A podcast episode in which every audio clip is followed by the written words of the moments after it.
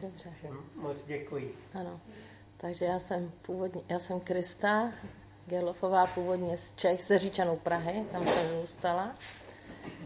A už 20 let ži, žijí s manželem a s rodinou v Izraeli. Máme pěti děti, pět dětí, tři se tam narodili. A přišli jsme tam s organizací, která je i tady známá, má tady svoji větev a jmenuje se Mezinárodní křesťanské velvyslanectví, zkráceně se říká ICEI. A tahle organizace vznikla v roce 80, založilo ji pár, pár křesťanů, kteří byli v Jeruzalémě a tenkrát Jeruza, eh, Izrael vydal nový zákon, že Jeruzalém je jeho hlavní nedělitelné a věčné město. A proti tomu vznikl veliký protest v arabských zemích. A ty, ta velvyslanectví, která tam byla, přeložila svá, svá velvyslanectví do Tel Avivu. A byla taková v Izraeli taková mm, atmosféra z toho nepříliš eh, radostná. A tito křesťané řekli, my chceme vyjádřit, to byli křesťané z různých zemí a řekli, my chceme vyjádřit, že pro nás je Jeruzalém hlavní město Izraele a že my se nestotožňujeme eh, s tím, co naše země rozhodly. Jo, a motem té organizace bylo potěšujte, potěšujte můj lid.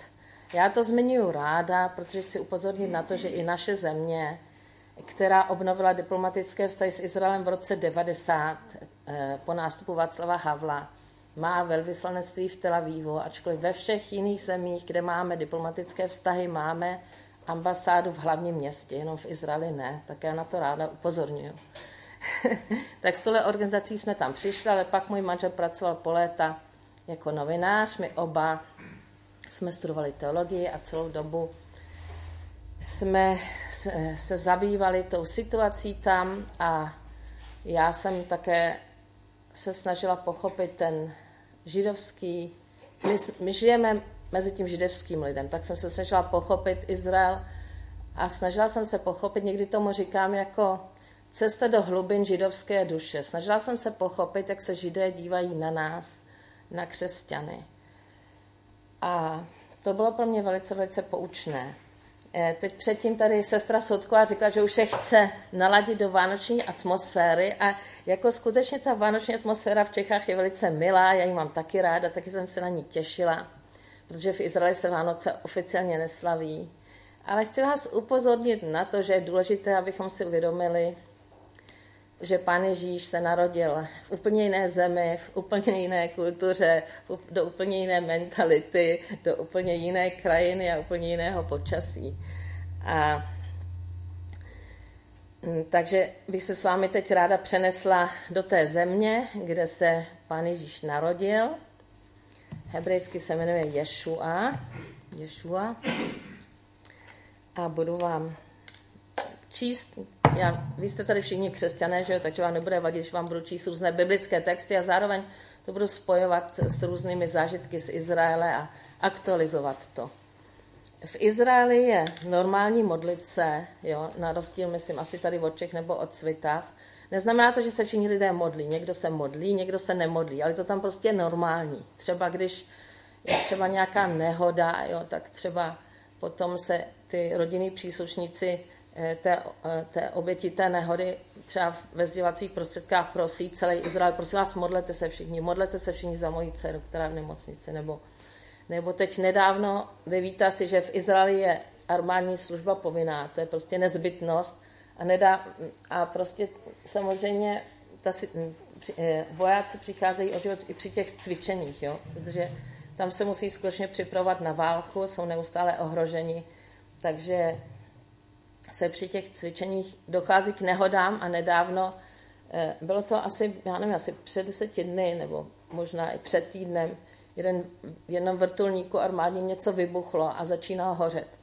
A já jsem četla potom ve zprávách prostě takové, takové rozhovory s těmi vojáky. Oni říkali, já jsem se modlil a prostě podařilo se nám nouzový okamžitý přistání a vyskočili na poslední chvíli, než, to, než ten vrtulník splanul a prostě to v těch novinách se normálně ptalo, psalo o tom, jak se modlili a jak také chce, chtějí děkovat Bohu v modlitbě za to, že, že prostě byli zachráněni. Takže, jak říkám, ne, že Je pravda teda, že já žiju v Jeruzalémě a o Jeruzalému se říká, v Jeruzalémě se lidé modlí, v Tel Avivu lidé slaví jako party a v Haifě pracují. Jo? Takže já samozřejmě jsem ovlivněna tím, co já zažívám v tom svém okolí v Jeruzalémě.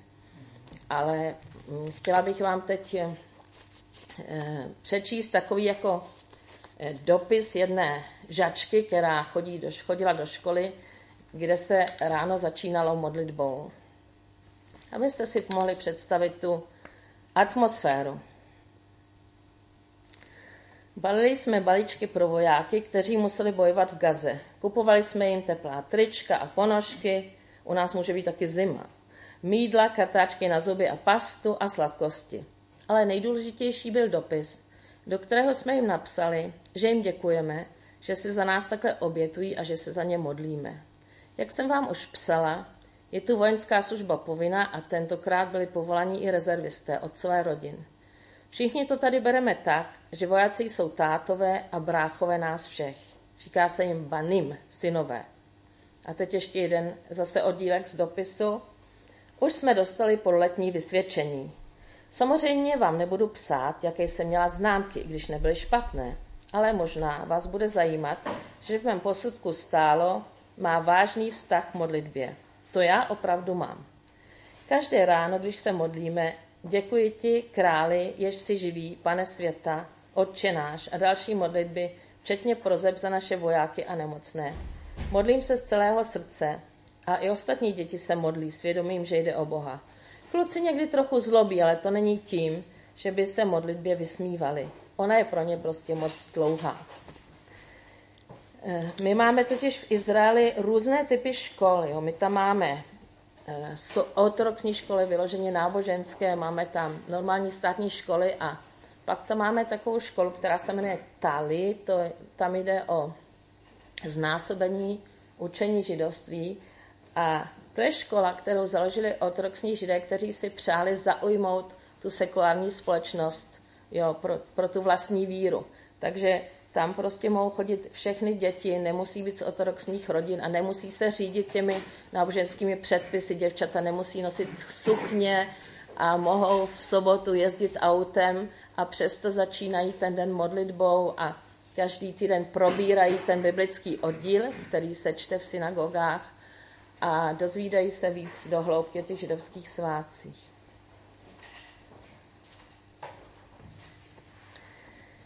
Eh, já vám chci ještě eh, říct, že, že já třeba osobně, mm, naše děti měly to privilegium chodit do takové školy a jednou mě třeba třídní učitelka jedné z mých dcer řekla, že každé ráno čeká na to, až uslyší tu modlitbu mé dcery, protože vidí, že je ta modlitba opravdová. Tak já jsem skutečně viděla, že židé mají takový, takový cit jako pro tu opravdovost. Jo. A na počátku našeho pobytu se můj manžel seznámil s jedním rabínem, se kterým pak studoval eh, biblické texty v hebrejštině.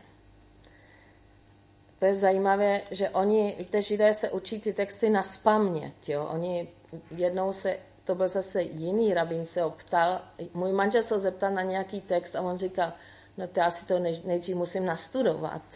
A nejdřív se to prostě naučil z paměti ten text a potom teprve byl ochotný se o tom textu bavit. Takže i když čtete třeba nový zákon a jsou tam citáty ze starého zákona, tak je důležité si uvědomit, že ten citát je prostě vybrán z nějakého kontextu, který ten pisatel, ať už to byl třeba apoštol Pavel nebo apoštol Petr, měl v hlavě. Tak a tento rabín Eh, se nějak seznámili s křesťany. V Izraeli je, v Jeruzalémě kromě té organizace, kterou jsem zmiňovala, ještě jedna organizace, která se jmenuje Křesťanští přátelé Izraele a je tam mnoho křesťanů, kteří, kteří tam přišli a nějakým způsobem tam slouží. Takže on se seznámil s křesťany a zaujalo, zaujalo ho, jak se spontánně jeden za druhého modlí právě. Třeba když někdo měl nějaký, také nějaký úraz nebo prostě to zažil, někde byl zažil, jak byli na nějakém výletě a někdo se tam si zvrknul nohu, nebo já nevím přesně, co se stalo a oni se tam hned za sebe vzájemně začali modlit a toho oslovilo. A pak se jako křesťanou držel, ačkoliv neuvěřil v Ježíše, ale držel se křesťanů a někdy nás taky přišel navštívit. A jednou přišel a říkal, tak to s tím královským kněžstvem, to teda nemohu akceptovat. Jo. A já vám to vypravím proto, abychom si uvědomili, jaká to je obrovská věc skutečně, že my, kteří jsme nebyli lidem, jako Izrael, který je božím lidem, který si Bůh povolal, jsme se stali milovaným božím lidem, taky, že jsme tomu byli připojeni. Já vám přečtu eh, ty verše, na, které, na, na jejich základě apoštol Pavel, tohle Petr, nejdřív Petr a pak Pavel mm, píše. Pa, Petr cituje z 2. Možíšovi 19, 5, 5 až 6, kde je napsáno o Izraeli. Nyní tedy, budete-li mě skutečně poslouchat a dodržovat mou smlouvu, budete mi zvláštním vlastnictvím jako žádný jiný lid, třeba že má je celá země. Budete mi královstvím kněží pro národem svatým. To jsou slova, která promluvíš k synům Izraele, říká hospodin Mojžíšovi. A ten apoštol Petr to spojuje s veršem z Ozeáše, z druhé kapitoly s, verš, eh, s veršem 25., kde je psáno, Kdysi jste vůbec nebyli lid, nyní však jste lid boží. Pro vás nebylo slitování, ale nyní jste došli slitování. A ten samý verš cituje i Pavel v Římanům 9.25. Takže Petra a Pavel viděli, že se stalo něco zvláštního, že se skutečně splnilo toto proroctví z Ozeáše. A my už jsme na to 2000 let zvyklí, jo, že to tak je. Ale je to obrovská věc, kterou bychom si měli nově uvědomit, jaká je to milost. A že vlastně všechno duchovní bohatství, které máme, máme původně od lidu Izrael nebo od židovského národa. Celé písmo nám bylo dáno židovským lidem a bez nich bychom neměli také toho spasitele, jehož narození teď budeme oslavovat. Pán Ježíš to sám sformuloval v rozhovoru se samarskou ženou. Jestli jste si to, nevím, jestli jste si to někdy všimli, že pán Ježíš se většinou bavil s Židy, ale je zachyceno několik rozhovorů v Novém zákoně, kdy, kdy se baví s někým e, z pohanu. Jo? Je. Vzpomeňte si, které to jsou? Ústudny. Ano, ústudny s tou samařenkou, se syrofeničankou a s tím římským setníkem. Jo? A tyto rozhovory jsou pro nás velice poučné. A v Janovi ve čtvrté kapitole je zachycen ten příběh u té Jakobovy studny, kdy se baví s tou samařenkou. Ukáže se, že ona čeká na spasitele a je snad jediná, které pan Ježíš přímo říká, že on skutečně je tím mesiášem. A, a teď, teď jí říká, zároveň ale říká, vy uctíváte, co neznáte, tím myslí pohany, vy uctíváte, co neznáte, my, židé, my uctíváme, co známe, neboť spása je ze Židů. Takhle to formuloval pán Ježíš. Spása je ze Židů. Kdyby to neřekl on sám, tak bychom se asi nad tím podívali a řekli bychom si, ne, spása je ze Židů, teď spasení jsme skrze něj, skrze pána Ježíše. Ale on sám říká, spása je ze Židů. A já myslím, že to je proto, že se prostě od toho svého židovského lidu nedá otrhnout. Pán Ježíš se nedá otrhnout od svého židovského národa.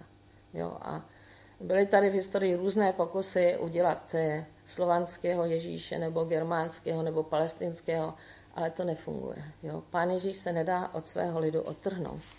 Takže si myslím, že první důvod, proč bychom se měli modlit za Izrael, je, že prostě Izraeli vděčíme skutečně za to duchové, duchovní bohatství, které máme. A skrze Pán Ježíše jsme dostali přístup k Otci, který sám sebe nazývá Bohem Izraele. Já doufám, že mezi vámi není slyšet někdy takový ten pojem Bůh starého zákona, Bůh nového zákona. Někdy, někdy jsem takový pojem zaslechla mezi křesťany, tak vy určitě víte, že Bůh je jenom jeden a že ten samý Bůh, který stvořil svět a který povolal Abrahama, poslal taky do světa svého syna Ježíše.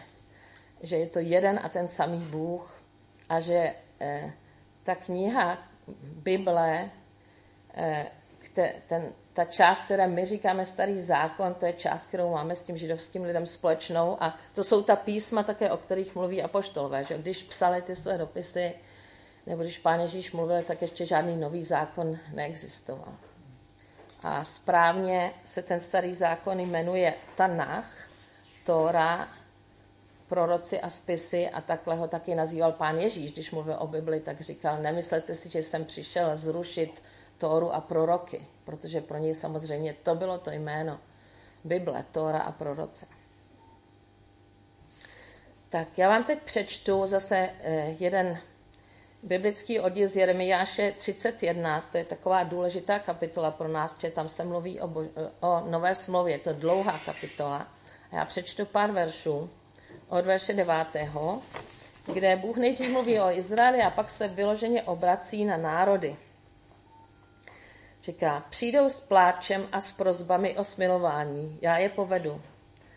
Dovedu je k potokům, jež mají vodu, cestou přímou, na níž neklopítnou. Budu Izraeli otcem, Efraim bude můj prvorozený. Slyšte pro národy hospodinovo slovo, na vzdálených ostrovech oznamte toto. Ten, který rozmetal Izraele, schromáždí jej, bude ji střežit jako pastýř své stádo. Hospodin zaplatí za Jákoba, vykoupí ho z rukou silnějšího. Přijdou a budou plesat na výšině Sionské, budou proudit k hospodinově dobrotě za obilým moštem a čerstvým olejem, za mladým bravem a skotem. Jejich duše bude jako zavlažovaná zahrada. Už nikdy nebudou tesknit. Tehdy se bude v tanci radovat pana i jinoši a starci. Jejich truchlení změním ve veselí, místo strasti jim dám útěchu a radost. Duši kněží zavlažím tukem a můj lid se bude sytit mými dobrými dary, je výrok hospodinův. Tady vidíme také na tomto textu, jaké je boží srdce. Jo? Bůh prostě má touhu dávat dobré dary. Pán Ježíš nám to také připomíná, že, jo? že Bůh je dobrý a chce dávat dobré dary. Takže první důvod, si, jak jsem říkala, si myslím, že je vděčnost a druhý důvod si myslím, že je láska k Bohu. Když máme někoho, když máme rádi Boha, tak máme také rádi to, co má rád. A jeden takový nádherný text, kdy Bůh přímo si vylevá své srdce, jak miluje Izrael, je z Izajáše 43. Je to velice známý text, eh, my ho jako křesťané máme rádi. A skutečně mm, ke všem zaslíbením, které jsou v Bibli daná skrze Pána Ježíše, bylo řečeno ano. A my skutečně na nich máme podíl jako spoludělícové. Ale někdy už zapomínáme, komu byli původně určeni, takže já chci přečíst tu souvislost.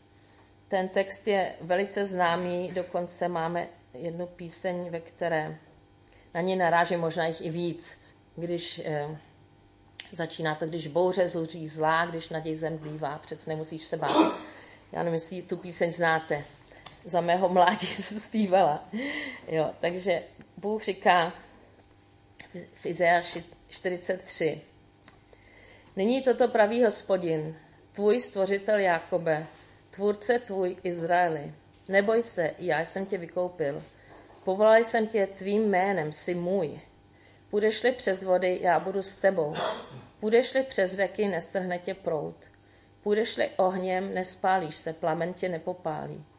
Nebo tě, hospodin, jsem tvůj Bůh, svatý Izraele, tvůj spasitel. Jako výkupnej jsem dal za tebe Egypt, kůž a Sebu jsem dal místo tebe. Protože jsi v očích mých tak drahý, vzácný, protože jsem si tě zamiloval. Já jsem si také uvědomila, jak žiju mezi tím židovským lidem, tak eh, přemýšlím často nad, nad tím, jak s nimi mluvit. Víte, my máme někdy jako křesťané takovou přesnou představu, co to je to evangelium, dobrá zpráva, a já jsem si uvědomila, že v Biblii je spousta takových dobrých zpráv a že je možné k tomu židovskému lidu mluvit právě eh, těmi slovy, které, kterými k ním mluví Bůh, kterými je pozbuzuje On sám z jejich písem. Protože oni jsou přesvědčení ve své většině, že prostě Pán Ježíš pro ně nic není. Jo, já nevím, jestli to víte, ale prostě se to tak stalo, že ačkoliv pán Ježíš byl žid a první věřící byli židé, tak se z toho skutečně vyvinuly dvě různá náboženství. A prostě pro židy, když se na, to, na nás podívají, tak se jim skutečně zdá, že, že s tím nemají vůbec nic společného. Prostě jako pán Ježíš je pro ně tak cizí, jo, že prostě ani nenapadne, že by s tím mohli mít něco společného. Jsou samozřejmě ještě další důvody. Eh, jeden důvod je, že Bůh eh, prostě jim určitým způsobem zaslepil oči a uzavřel uši, aby se ta zvěst dostala k nám, k pohanům. A já jsem vám přinesla knížku mého manžela, kde vysvětluje Římanům 9 až 11 právě, kde, kde to vysvětluje celý ten proces. A jak to vysvětluje Apoštol Pavel, pardon. Ale další důvod je také ten, že skutečně v tom jménu našeho spasitele se jim dělá mnohá příkoří, že židé byli obvinováni, že zabili Ježíše a prostě v tom, z toho důvodu na ně byly páchany pogromy a byly neustále vyháněni křesťany z různých míst, takže oni se ani nemůžou představit, že by to mohl být jejich spasitel, protože ten spasitel, který jim zaslíben, to je někdo, kdo jim přijde pomoct, kdo přijde zachránit, kdo bude mít rád. Jo. Takže já vám chci dát takovou výzvu. Prosím vás, mějme jako křesťané židy rádi, eh, reprezentujme spasitele, který je má rád. Já jsem se jednou dostala do rozhovoru s jednou židovkou, byla dcera přeživší holokaustu z Maďarska a prostě jsme se dostali do rozhovoru Mrtvého moře a ona se mě ptala, co jako křesťané v Izraeli děláme. Já jsem to trošku vysvětlovala a ona se mě najednou zeptala, a vy máte židy rádi? A já jsem říkala, ano, my máme židy rádi. A ona byla potom tak radostná, ona ještě jednou za mnou přišla, usmívala se, byla šťastná, protože je to smutné, ale židé to nečekají. Židé nečekají, že by je křesťané měli rádi. Jo, tak vám to chci položit na srdce skutečně, abych si přála, aby k tomu, v tom došlo k nějaké změně. A myslím, že už se to děje, že už je povědomí o tom, že jsou i jiní křesťané dneska. Myslím, že se to pomalu už i v Izraeli jako pomalu proslýchá, nebo že si to někteří lidé všimli, že jsou i jiní křesťané, křesťané, kteří přichází, aby jim pomohli a aby je potěšili.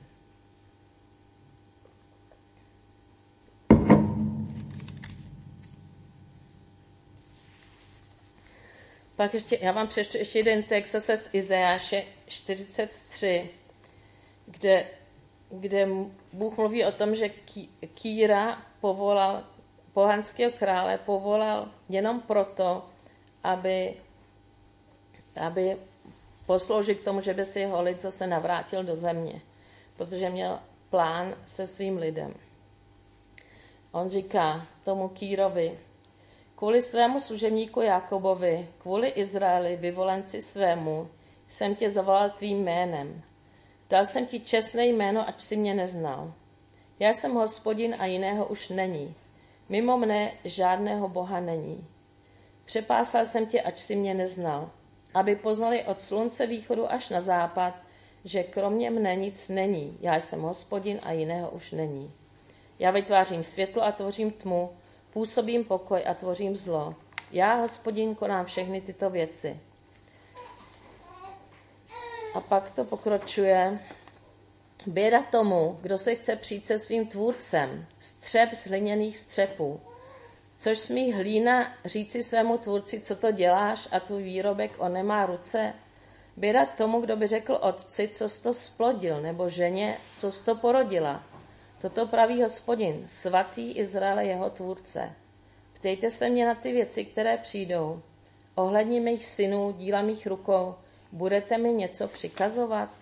Tady vidíme, jako by Bůh s někým argumentoval, s někým, kdo prostě třeba nechce přijmout, že Bůh eh, ten svůj židovský lid přivádí zpátky do země Izrael.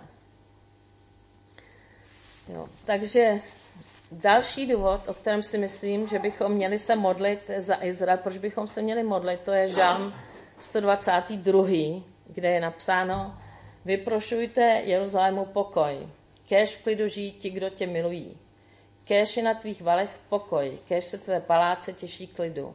Pro své bratry, pro své druhy vyhlašuji, budiš v tobě pokoj. Pro dům hospodina našeho Boha usiluji o tvé dobro. To asi víte, že to slovo šalom znamená i pokoj, i mír. Jo? V hebrejštině je to slovo šalom, což je pozdrav hebrejský taky, znamená obojí, i pokoj, i mír.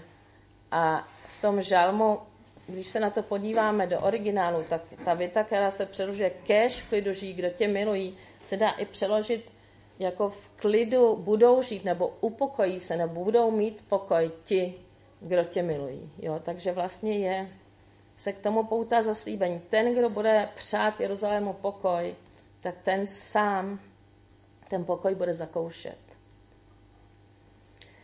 A ten další důvod je ten právě, protože jsme královské kněžstvo a jak víte, kněží i, i v židovství, v křesťanství má jeden, jeden z jejich úkolů je žehna.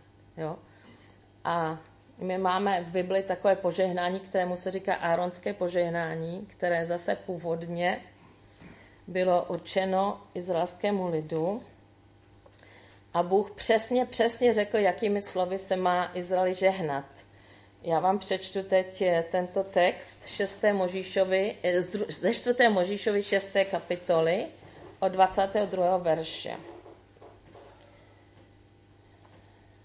Budete žehnat synům Izraele těmito slovy.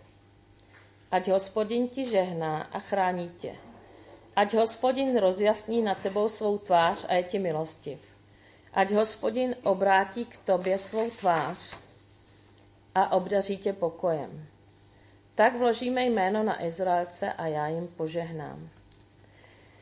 Takže tady vidíte, že to žehnání má prostě přímé pozitivní působení a všichni vykladači se, se, jsou si zajedno, že tato slova obsahují materiální, fyzické a duchovní požehnání.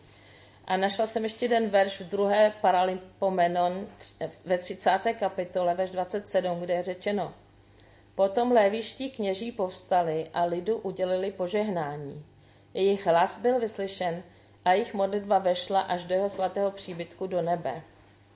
Tak tady vás chci taky povzbudit, když jsme to královské kněžstvo, aby jsme to využívali. Či když budeme žehnat, ať už je to našim sousedům, našemu městu nebo Izraeli, tak se, skutečně se něco děje, když žehnáme. Jo? Věřte tomu, že když žehnáte, že se něco děje a využívejte to.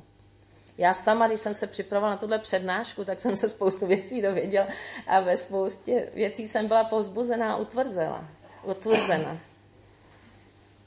Takže já se to sama snažím praktikovat. A dostáváme se k poslednímu bodu, který já jsem si hm, tak eh, vlastně jako, eh, o kterém jsem přemýšlela, eh, že když tedy budeme žehnat, tak to nám samotný přinese požehnání. Asi všichni znáte, vy jste tady všichni čtenáři Bible, takže znáte příběh moabského krále Baláka, který chtěl skrze Bileama proklít Izrael, jo, a prostě to nefungovalo. A nakonec ten Bileam uviděl, a teď cituji 4. Možíšova 24.1, Bileam viděl, že se hospodinu líbí, aby Izraeli žehnal. Jo? Takže když to začnete dělat, nebo už to děláte, tak poznáte, že se to hospodinu líbí, budete prožívat požehnání. Jestli už usínáte, tak můžeme trochu vyvět. No, máme otevřený okno. Tak, um, já tady mám ještě druhou část této přednášky, jak se modlit za Izrael.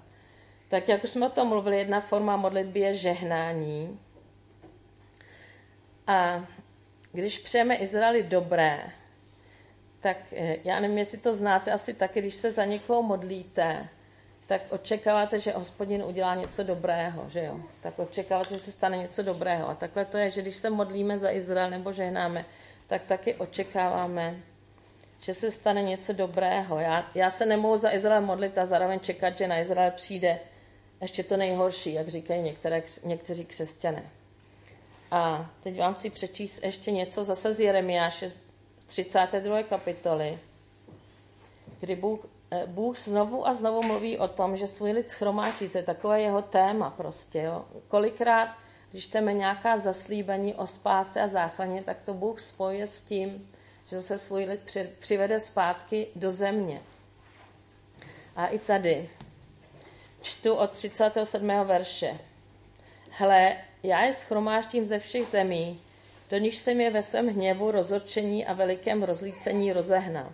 Jo, k tomu chci ještě říct, že samozřejmě eh, ano, tady Bůh mluví o tom, že se na svůj lid taky zlobil a že ho ve svém rozhorčení rozehnal, ale já vždycky eh, si právě na tom uvědomuju, když eh, někteří třeba věřící mají potřebu zdůrazňovat o tom, že Bůh by měl nebo bude Izrael soudit, tak říkám, teď Bůh si to s nima vyřídí sám, teď on jim to říká tak jasně v těch prorocích, jako že vlastně to rozhodně není potřeba, aby my jsme jim to ještě říkali. Jo.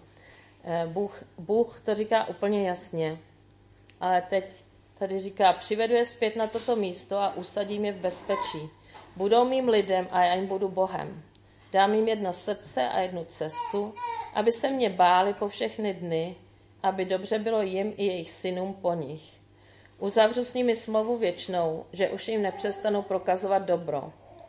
Do jejich srdcí dám bázeň přede mnou, aby ode mne neodstupovali. Na to samozřejmě čekáme, jo? na to toužebně čekáme, že se to stane. Bude se z nich vesel, budu se z nich veselit z celého srdce a z celé duše prokazovat dobro. V té zemi je opravdu zasadím. A budou kupovat pole v této zemi, o níž říkáte je spustošená, není v ní člověk ani dobytka, je vydána do rukou kaldejců.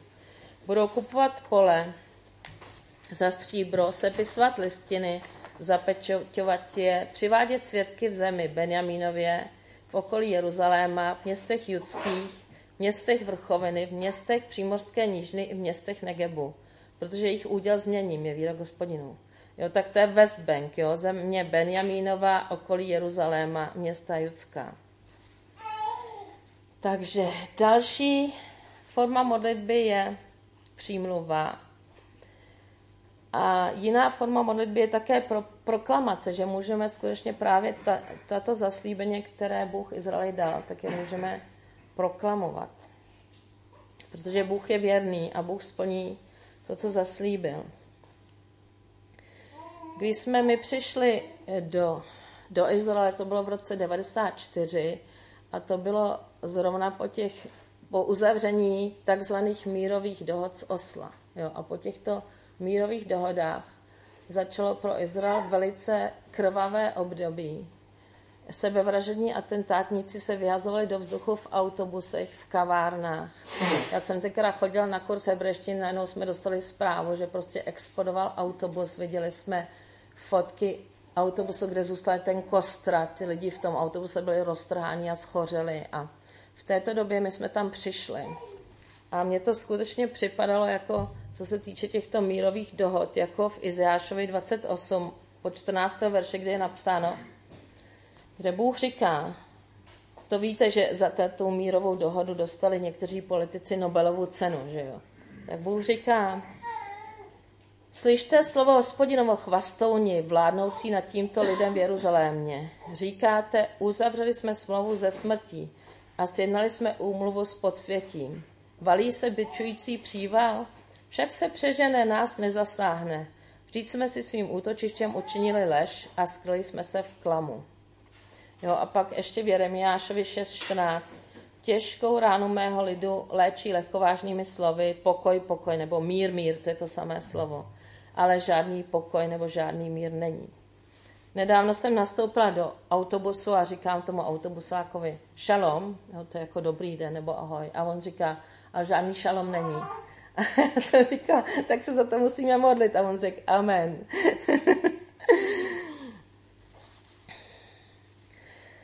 no, takže tenkrát jsem eh, skutečně šla eh, na kolena v této situaci a ještě jsem té situaci v Izraeli skoro nerozuměla. To bylo opravdu na začátku. Úplně na začátku, když jsme tam přišli, se tyto hrozné věci začaly dít. A měl jsem dojem, že Bůh mi říká, že se má modlit za Izrael, aby se nespoléhal na Ameriku a ne na svoji vlastní armádu, ale na něj. A abych se také modlila za arabské křesťany, aby se postavili na správnou stranu. Já to teď nebudu rozebírat, ale mám přednášku také život křesťanů v Izraeli jo, a tam představuji takové dva extrémy jednoho patriarchu řecko-katolické církve, který prostě pašoval z Libanonu do palestinské autonomie zbraně, využíval ten svůj vatikánský diplomatický pas, aby mohl pašovat zbraně a vyloženě se tak aktivně účastnil tohle arabského povstání. A zase jiný kněz řecko-pravoslavný z Nazareta, který založím fórum pro nábor křesťanských vojáků, protože eh, v Izraeli, víte, mají výjimku eh, chodit do armády arabové a ultraortodoxní židé. A z těch Arabů chodí eh, beduíni a druzové. A co se týče křesťanských Arabů, tak to je dost nová věc, ale tento kněz prostě říká, Izrael je v naší oblasti jediná země, kde, žide, kde, kde křesťané žijou v bezpečí a ve svobodě. A proto prostě musíme eh, se postavit na, na tu stranu Izraele. A to se samozřejmě potvrdilo, jak, jak eh, se uchopil moci ten islámský stát, že jo, a začali ty křesťany tam v té oblasti vyvražďovat, tak se to potvrdilo, že ten jeho názor je správný a že prostě eh, šanci mají skutečně, když, když se přidají na tu správnou stranu. Ale když mi to řekl takhle hospodin, tak já, já neurčuju, když se za ně modlím, která je ta správná strana, to a tím ukáže on sám, jo, co tím myslí, jo. Ať se hlavně dají na jeho stranu a čtou Bibli a modlí se.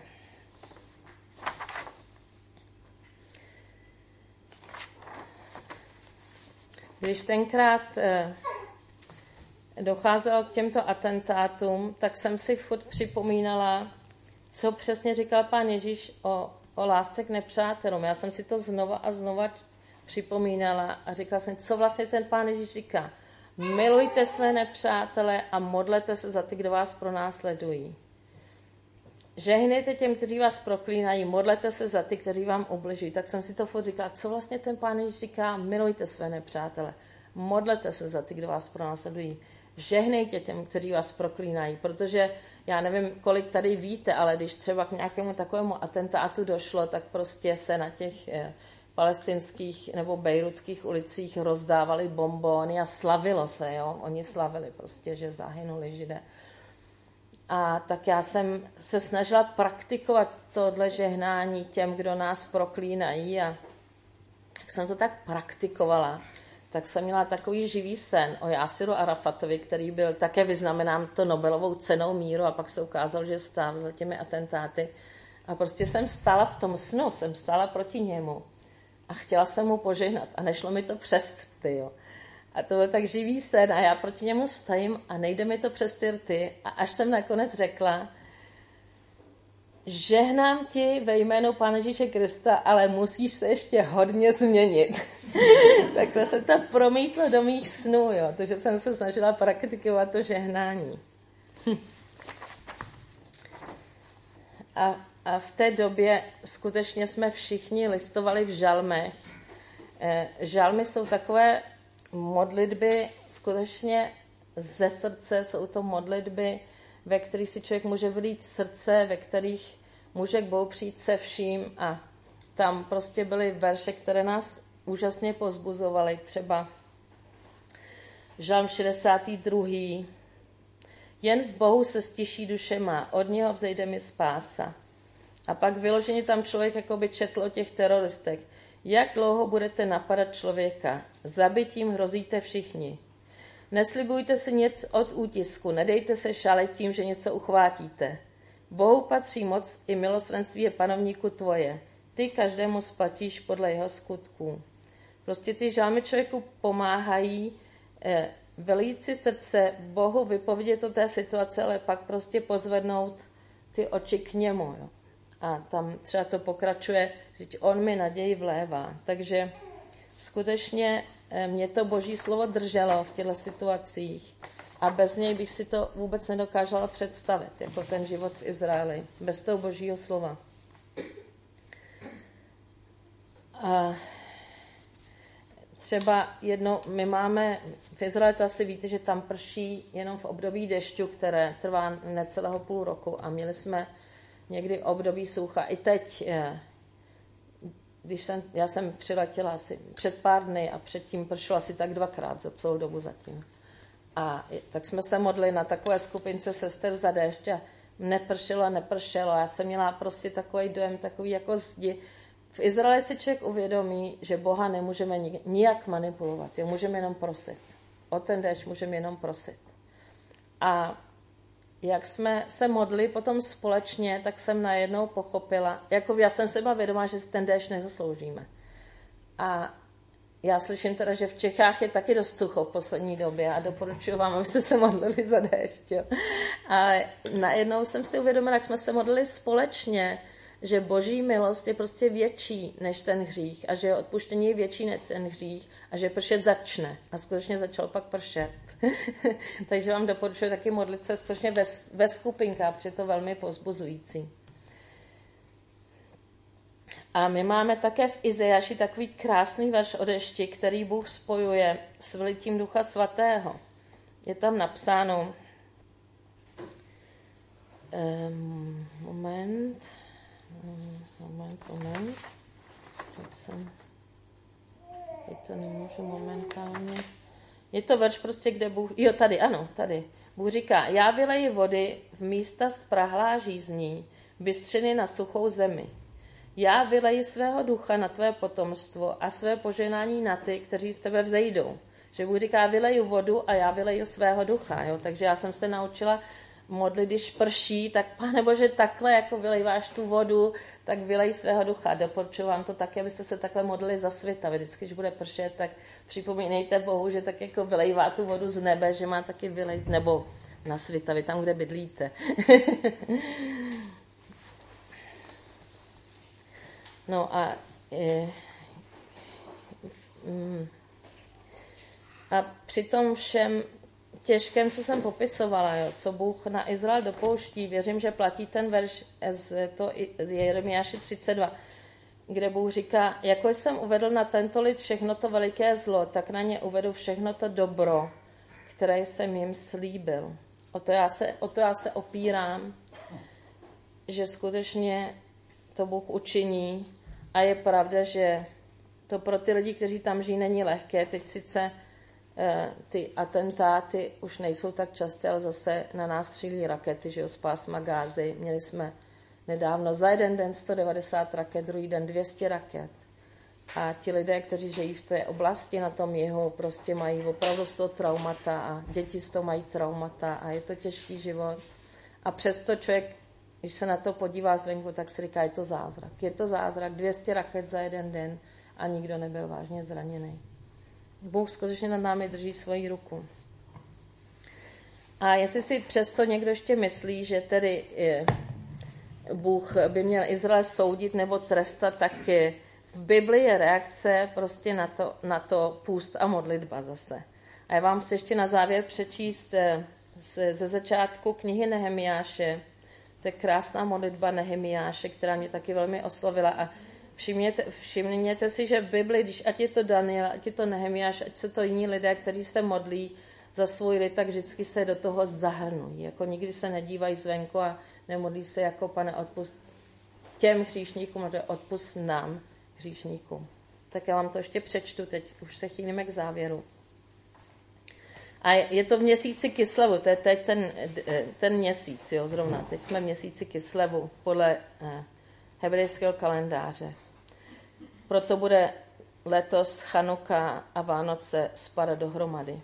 V měsíci Kislevu 20. roku, když jsem byl na hradě v Šušanu, přišel Chanani, jeden z mých bratrů z muži z Judska. Zeptal jsem se jich na, judence, na judejce, na ty zbylé, kteří ušli zajetí a na Jeruzalém. A na Jeruzalém.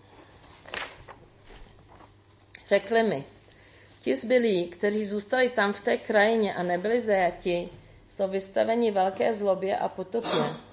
Jeruzalémské hradby jsou pobořeny a brány zničeny ohněm. Když jsem slyšel ta slova, usedl jsem a plakal. Truchlil jsem několik dní, postil jsem se před Bohem nebes a modlil se k němu. Říkal jsem, ach hospodine, Bože nebes, Bože veliký a hrozný, který zachováváš smlouvu a jsi milosrdný k těm, kdo tě milují a zachovávají tvá přikázání. Kež je tvé ucho ochotné slyšet a oči tvé pohotové vidět, aby vyslyšel modlitbu svého služebníka, kterou se před tebou modlím ústavičně dnem i nocí, za i syny Izraele tvoje služebníky. Vyznávám hříchy synů izraelských, který jsme se proti tobě dopustili – Hřešili jsme i já a dům mého otce. Počínali jsme si vůči tobě hanebně, nezachovávali jsme přikázání, řády a práva, který si vydal svému služebníku Možíšovi. Rozpomeň se prosím na slovo, které si přikázal svému služebníku Možíšovi. Spronevěříte-li se, já sám vás rozptýlím mezi národy. To Bůh říkal ještě, než přišli do země Kanán, jo? to říkal ještě, když byli na poušti. Když se však obrátíte ke mně a budete má přikázání zachovávat a podle nich jednat, pak, kdyby někteří z vás byli zahnáni až na okraj světa, i odtamtud je schromáždím a přivedu na místo, které jsem vyvolil, aby tam přebývalo mé jméno. Vždyť jsou to tvoji služebníci, tvůj lid, který si vykoupil svou velikou mocí a silnou rukou. Ach, panovníku, kéž je tvé ucho ochotné vyslyšet modlitbu svého služebníka i modlitbu tvých služebníků, kteří usilují žít v bázni tvého jména. A dopřej dnes daru svému služebníku a dej mu najít u onoho muže slitování. Byl jsem totiž královským číšníkem. Poté, co se Nehemiáš takhle modlil a postil, tak potom šel za tím králem a skutečně eh, ten král mu potom pomohl, eh, aby se mohl vydat do Jeruzaléma a začít eh, stavět ty městské hradby a ten Jeruzalém obnovovat. Takže vám doporučuji, abyste si takové texty přečetli nejenom, nejenom zběžně, ale abyste nad nimi meditovali a také vám velice doporučuji, eh, možná to tak děláte, abyste tam, kde je napsáno Izrael, nejdřív čete Izrael a pak až si to vztahovali na sebe jako křesťany. A ještě vám chci říct na závěr, co takové modlitby za Izrael v nás vypůsobí. Jo. Jedna věc už jsem říkala, že prostě když když se budeme modlit, tak budeme očekávat dobré. Pak si všimneme toho, že Bůh mnoha ta zaslíbení už splnil. Já třeba jsem si uvědomila, to je tedy můj výklad proroctví, tvé brány budou neustále otevřené, nebudou zavírány ve dní v noci, aby k tobě mohli přijít pro národy se svým bohatstvím a přivést si své krále. Brány, anglicky gates, jo, jsou na letišti, jo. Tak já, já osobně, když jsem na letišti v Izraeli a vidím prostě ty spousty turistů, který tam dnem i nocí proudějí, tak si říkám, tak to je to, to, je to co předpovídá ten Izajáš, jo, že ty brány budou otevřený dnem i nocí, budou tam proudit ti lidé, tak to se děje. A pak prostě se to naše kamenné srdce začne proměňovat v, v srdce masité. V našem srdci prostě se něco změní a začneme se víc připodobňovat Bohu, který, jak, jsem, který, jak vidíme z těch textů, je dobrý, chce žehnat, chce dávat dobré věci, přeje druhým dobré. Jo? Takový je náš Bůh. A myslím si, že když eh, také uvidíme, s jakým nasazením se Nehemiáš modlil, nebo královna Ester riskovala svůj život, takže nás to povede taky k tomu, abychom se takhle začali modlit za ten náš národ mnohem intenzivněji, s mnohem větším nasazením. Modleme se za náš národ, aby modlit se se stalo u nás normální. Já vám ještě přečtu jeden krátký feton z této knížky.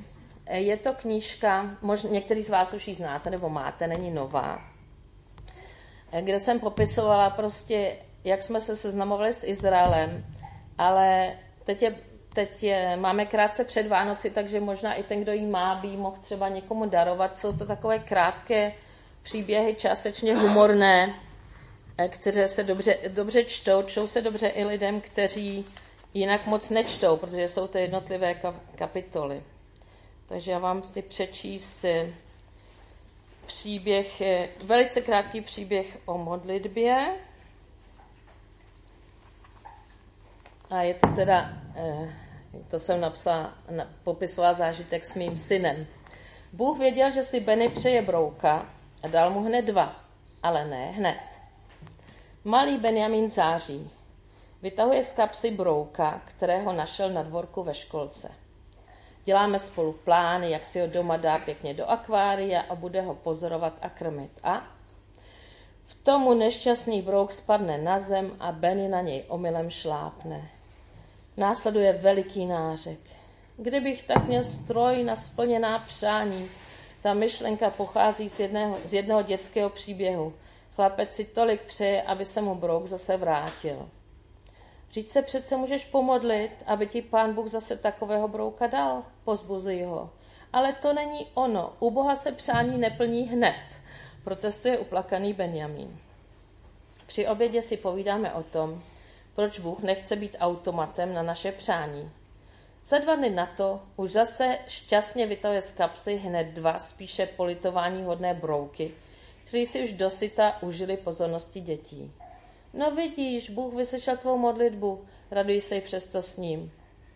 Benny odvětí s upřímností, která je vlastní jen dětem. Já jsem se nemodlil. Pak se ale krátce zamyslí. Ale on to věděl. Tak, já vám děkuji za pozornost a jestli máte nějaké otázky, tak jsem ochotná ještě na ně odpovědět a můžete se ptát něco úplně jiného, než o čem jsem vám vyprávěla. Nejsem žádný dět vševěd, tedy to neznamená, že mám odpověď na každou otázku, ale žiju tam už dost dlouho, takže...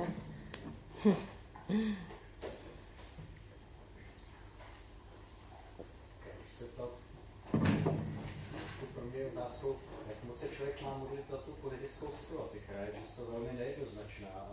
Mm. A, jo, ať, ať už za tu jako dlouhodobou, že jo, s eh, židovským národem a no.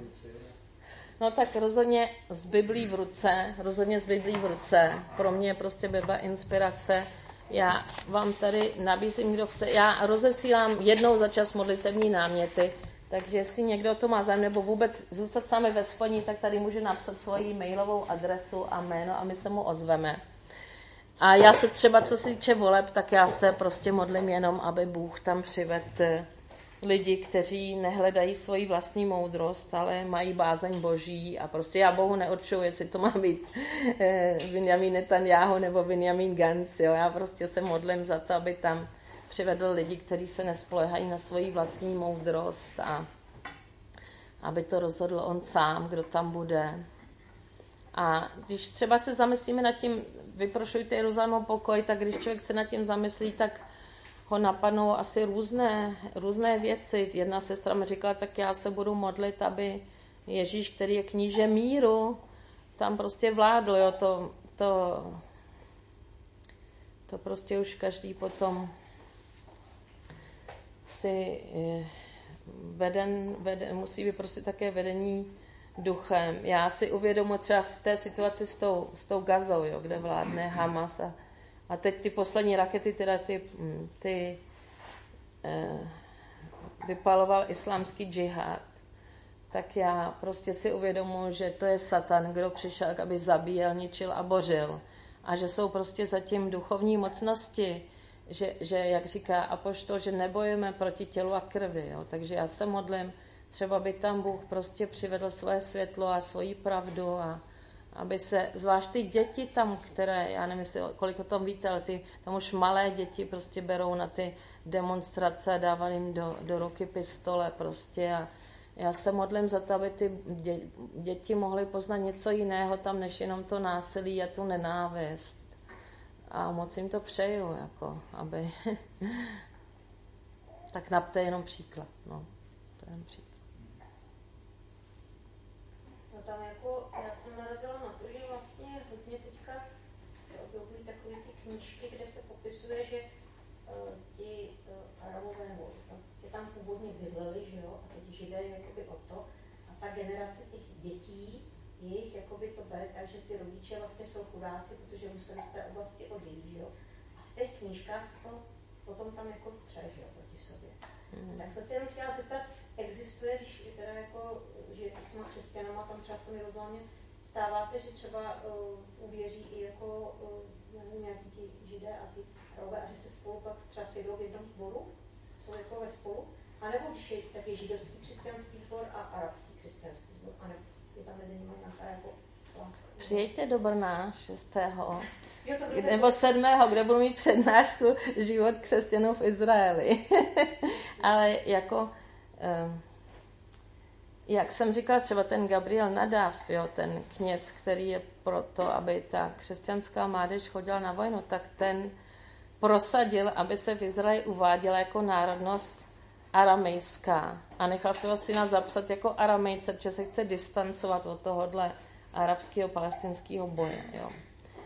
Ehm, jako když se podíváte na dějiny Izraele, jo, tak uvidíte, že prostě po té, co, co spoustu těch obyvatel tam vyhnali římané a zmasakrovali tam pak zase přišli Byzantinci, pak tam přišli Peršané, pak tam přišli Arabové, pak tam bylo 400 let otomanská říše, Turci, jo, takže tam, tam se lidé přicházeli, odcházeli, jo, samozřejmě nějaká skupina lidí tam zůstala, třeba, třeba Židé žili v Hebronu po, po tři tisíce let až do roku 1929, kdy je zmasakrovali Arabové, jo. Takže samozřejmě tam byli lidé, kteří tam žili po celou tu dobu, ale že by nějaký kananejec prostě, nebo já nevím, co ty palestinci říkají, že, že jsou, jo. Můj manžel napsal tlustou knížku v Němčině ke, eh, o palestincích, která vyšla také v holandštině a v angličtině.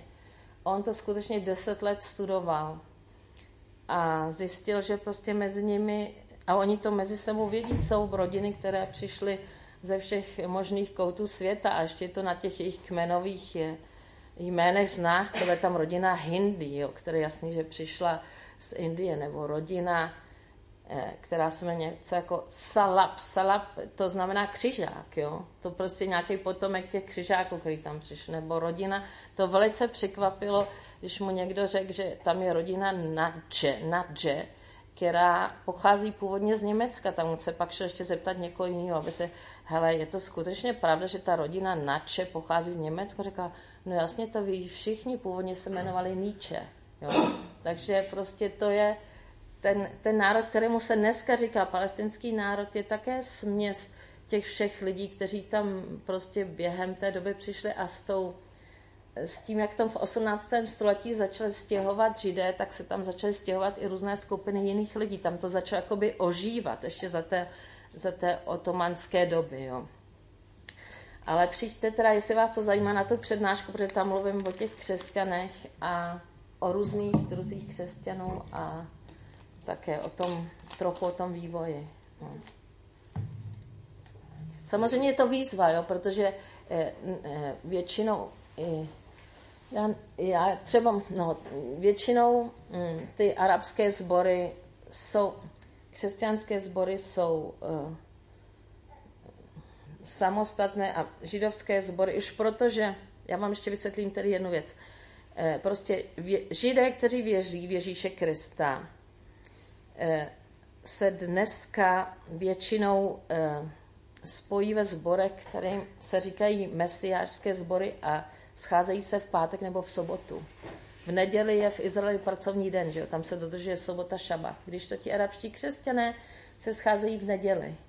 A v Izraeli je veliká svoboda a demokracie, takže křesťané můžou mít svůj volný den v neděli a muslimové v pátek a židé v sobotu. A já teď, jak jsem se připravila na tu přednášku, tak jsem zavala jedné paní, která je teda z Německa, ale má arabského manžela, který je pastorem. A já, jsem, já skutečně jsem o tom moc nevěděla, protože v Izraeli jsou celé světy. Tam jsou tak rozdílné etnické, náboženské komunity. A když člověk nežije v té komunitě, tak vlastně neví, jak, jak se tam žije. Tak já jsem si jí ptala, jak je to u vás, který den máte volno.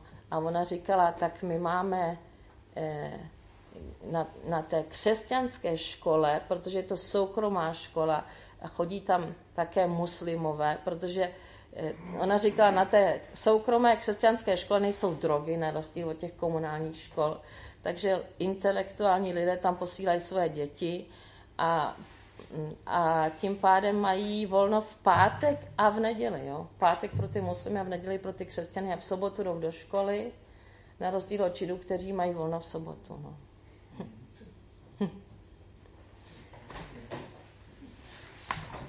tak. Tak jestli už není žádná otázka, tak vám děkuji za pozornost.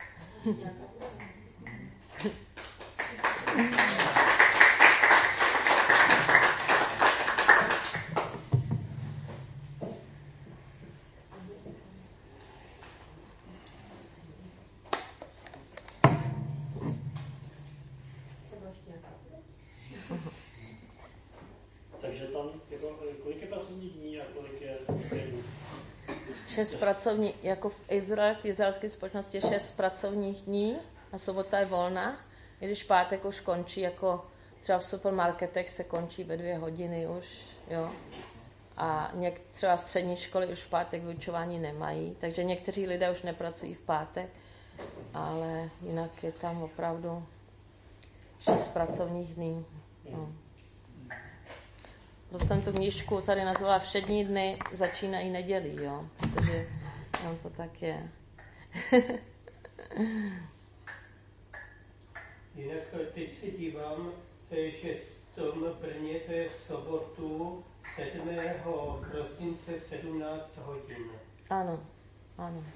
Kde? U baptistů. Tmoru, Bratrské jednoty baptistů Smetanová 20. Ano, ano. Mhm. Tak přijďte, pozvete svoje přátelé, aby se tam ten sál zaplnil. Já jsem přijela zdaleka. tak jo, tak.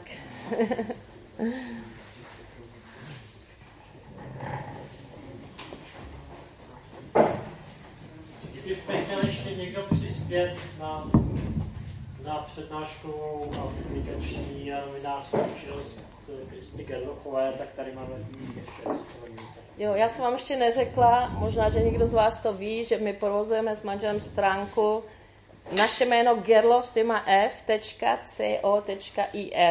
Tam najdete články, krátké filmy a i přednášky natočené.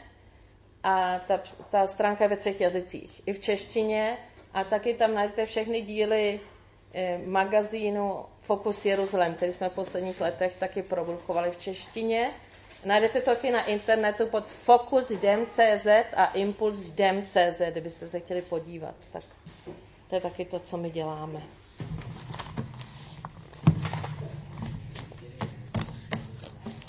Životě víry občas, ano, ve slově. My spolupracujeme v půl léta s různými časopisy křesťanskými, ano, životem víry, se slovem z Jeruzaléma, s, s, s časopisem Církve bratrské brána, e, a někdy máme i třeba v českém zápase podle toho s různými křesťanskými redaktory.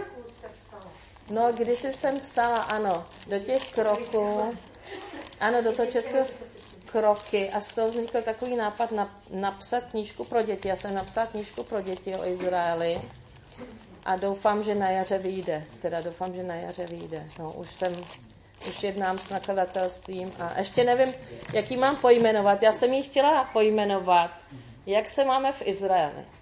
A ta redaktorka mi řekla, že to zní prej tak jako na foukaně, jako kdybych říkala, tak se podívejte, jak my se máme v Izraeli. Zní to pro vás tak, jak se máme v Izraeli?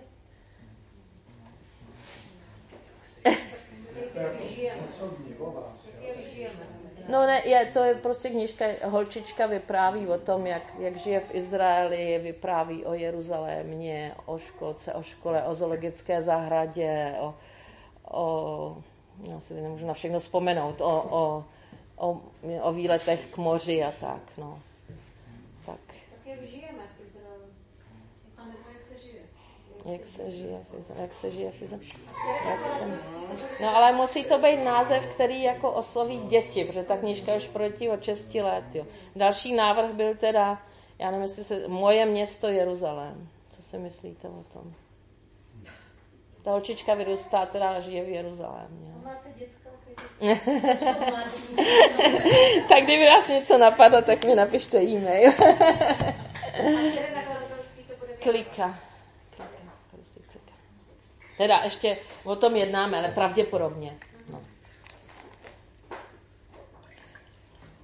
se, nás vám nechce odcházet, že jo?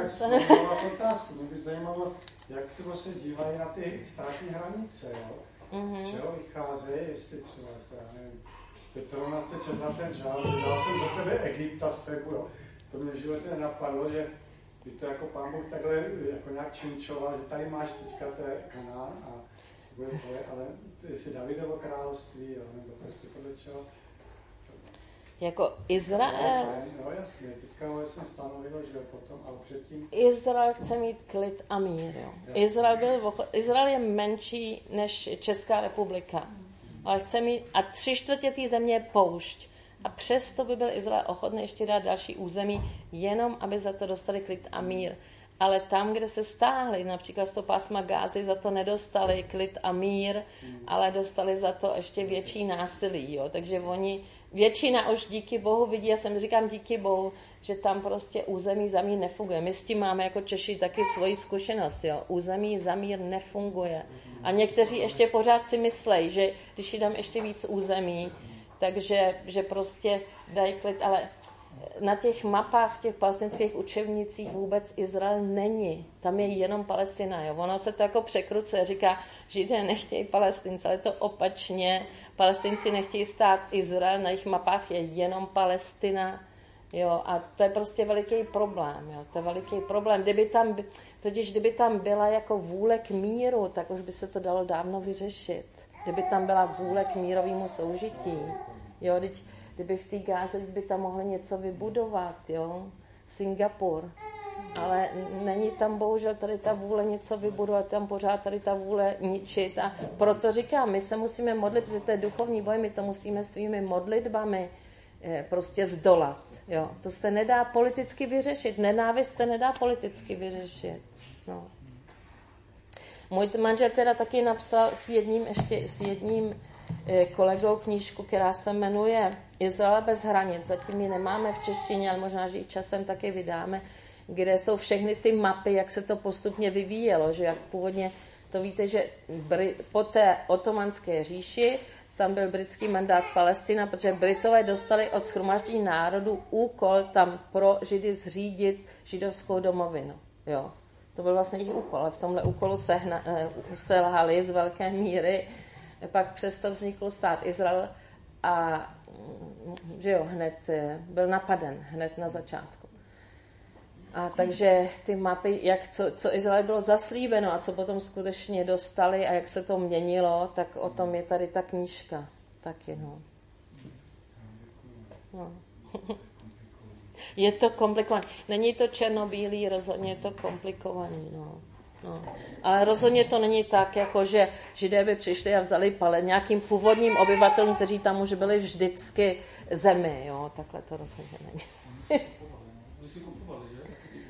No, no, jako ten izraelský soud to taky velice přísně jako sleduje, jo. Představte si, že prostě to je taky tak komplikované, že tam částečně v některých oblastech ještě platí to otomanské právo, jo, že prostě Britové převzali to právo těch Turků. Třeba co se týče um, oddavku, to ještě pořád jako v otomanské říši, že jenom ty náboženské autority mohou oddávat. Takže mohou muslimové, určité křesťanské církve a ortodoxní rabíni. A když někdo nespadá do této kategorie, tak musí jít do ciziny se oddat. Jo. Jako třeba moje děti se museli brát v cizině. A s tím územím taky za těch, těch Turků platilo, že když někdo deset let obdělává nějaký území, tak je potom jeho. A na těchto územích, které jsou jako sporná, a ta sporná území si víte, co to je, prostě po těch, když byl vyhlášen stát Izrael, tak ho napadly ty arabské země. A Jordánci obsadili od roku 48 území, západně od Jordánu a byli tam na 20 let a nikdo to, ne, kromě dvou zemí, to žádná země neuznala. A potom po, v té šestidenní válce byli zase za ten Jordán jako zatlačení. A to jsou ta spodná území, která byla 20 let jordánská. Jo? Proto a, a Izrael tato území nechtěl, protože tam žilo tolik Arabů, že Izraelci okamžitě nabídli těm arabským zemím mír a řekli, my vám nabízeme mír a vrátím vám ty území, protože nechtěli ty Araby. Ale ty arabské země odpověděly, ne, my s váma neuzavřeme mírovou smlouvu. Tak tam zůstali, tito lidé tam prostě zůstali. A Izrael si s nimi nevěděl rady. Většina z nich má do dneška jordánské pasy, No a potom během doby se tam začaly stěhovat, protože to, jsou, to je biblická oblast, to je Judsko a Samaří, se tam začaly stěhovat židé sami od sebe a začaly tam stavět vesnice a města. Jo. Dneska už je v té oblasti asi 500 tisíc lidí. Jo. To jsou města, čemu se říká osady, jo. to není nějaká, to nějaké tři stany indiánský, jo. to jsou města dneska ale nebylo, ne, říká se taky, že ty osady jsou ilegální, ale neexistuje na to žádný zákon, který by zakazoval lidem, aby se někam mm, prostě nastěhovat, začali tam stavět domy. A no, někdy mi to připadá taky smutné, že prostě my jako Evropa nechceme Židům určovat, kde, si, kde můžou bydlet a kde ne. A zase je takový příklad toho, jestli jako té mírové vůle nebo ne. Když, když jednou Benjamin Netanyahu nabídl tomu Abu Mazenovi, že, mi, že by mu dali další území, ale že by tam ti židé mohli zůstat žít, tak on okamžitě začal křičet, ne, ne, tady židé žít nebudou. Tak kdyby to byl mír, tak proč by tam nemohli žít, že jo? Tak tam žijou spolu. Tady žije tady arabská vesnice a tady žije, jako třeba v té Galileji, tam je mnoho arabských vesnic mnoho židovských vesnice, žijou tam spolu ve smíru, jo, a třeba v Haifě, moje dcera studuje v Haifě a strašně si libuje, jaká je tam výborná atmosféra mezi těmi arabskými a židovskými studenty. Je to možné, to soužití je možné, když je dobrá vůle. No.